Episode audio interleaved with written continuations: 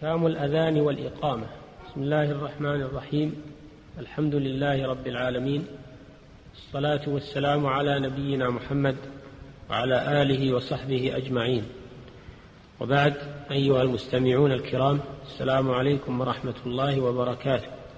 نحدثكم في هذه الحلقة عن الأذان والإقامة والحكمة في مشروعيتهما.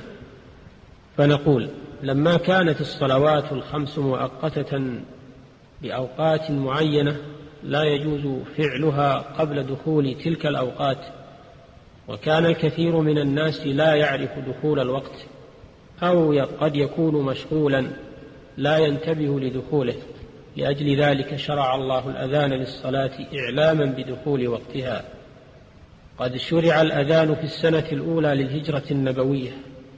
وسبب مشروعيته أنه لما عسر معرفة الأوقات عليهم تشاوروا في نصب علامة لها فأري عبد الله ابن زيد هذا الأذان في المنام وأقره عليه الوحي.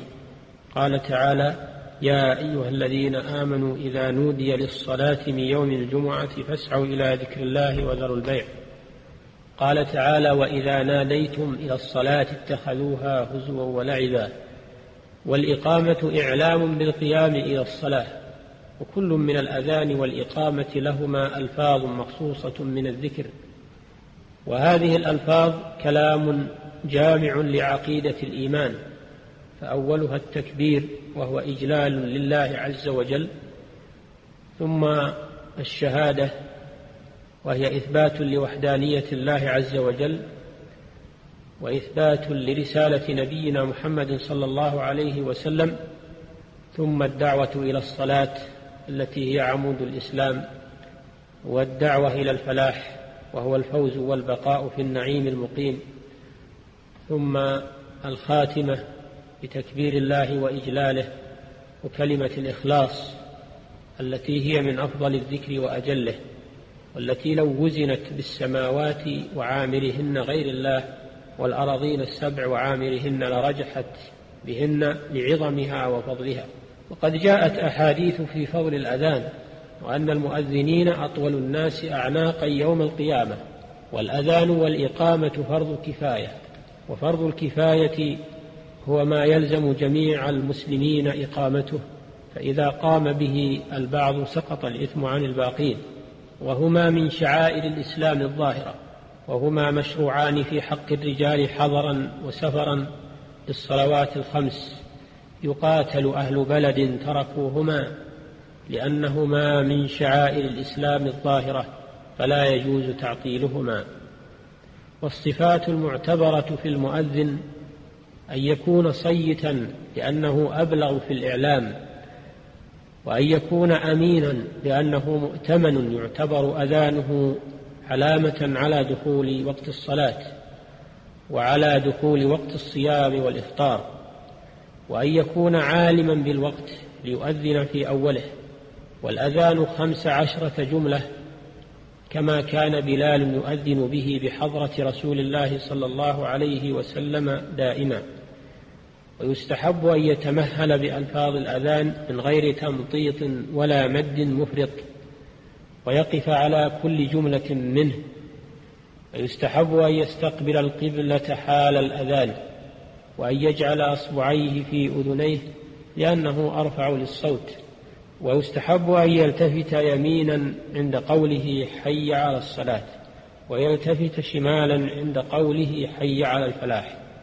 ويقول بعد حي على الفلاح الثانية من أذان الفجر خاصة الصلاة خير من النوم مرتين لأمره صلى الله عليه وسلم بذلك لأنه وقت ينام الناس فيه غالبا.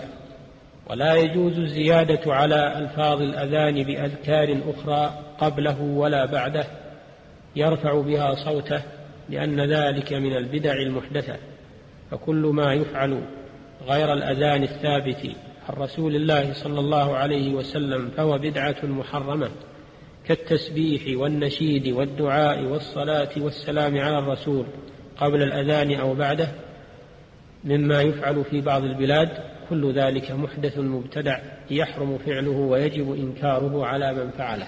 والإقامة إحدى عشرة جملة يحضرها أن يسرع فيها لأنها إعلام للحاضرين فلا داعي للترسل فيها.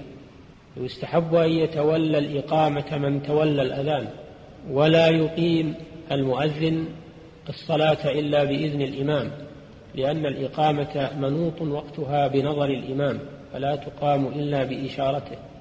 ولا يجزئ الأذان قبل الوقت لأنه شرع للإعلام بدخوله فلا يحصل به المقصود إذا كان قبله. ولأن فيه تغريرا لمن يسمعه إلا أذان الفجر فيجوز تقديمه قبل الصبح ليتأهب الناس لصلاة الفجر لكن ينبغي أن يؤذن أذانا آخر عند طلوع الفجر ليعرف الناس دخول الوقت وحلول الصيام وحلول الصلاة ويسن لمن سمع الأذان إجابته بأن يقول مثل ما يقول المؤذن. ويقول عند حي على الصلاة حي على الفلاح لا حول ولا قوة إلا بالله. ثم يقول بعدما يفرغ المؤذن اللهم رب هذه الدعوة التامة والصلاة القائمة آت محمدا الوسيلة والفضيلة وابعثه مقاما محمودا الذي وعدته. ويحرم الخروج من المسجد بعد الأذان بلا عذر أو نية رجوع إلى المسجد. وإذا شرع المؤذن في الأذان فلا ينبغي له أن يقوم. وإذا شرع المؤذن في الأذان والإنسان جالس فلا ينبغي له أن يقوم بل يصبر حتى يفرغ المؤذن لئلا يتشبه بالشيطان. وينبغي للمسلم إذا سمع الأذان أن يتوجه إلى المسجد للصلاة ويترك سائر الأعمال الدنيوية.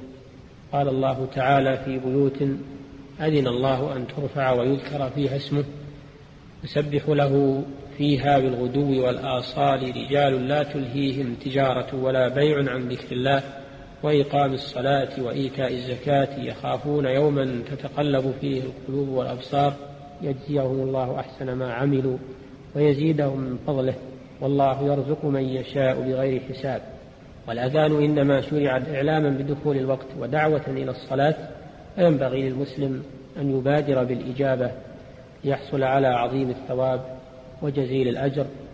وفق الله الجميع لما يحبه ويرضاه. وإلى حلقة قادمة بإذن الله تعالى. السلام عليكم ورحمة الله وبركاته.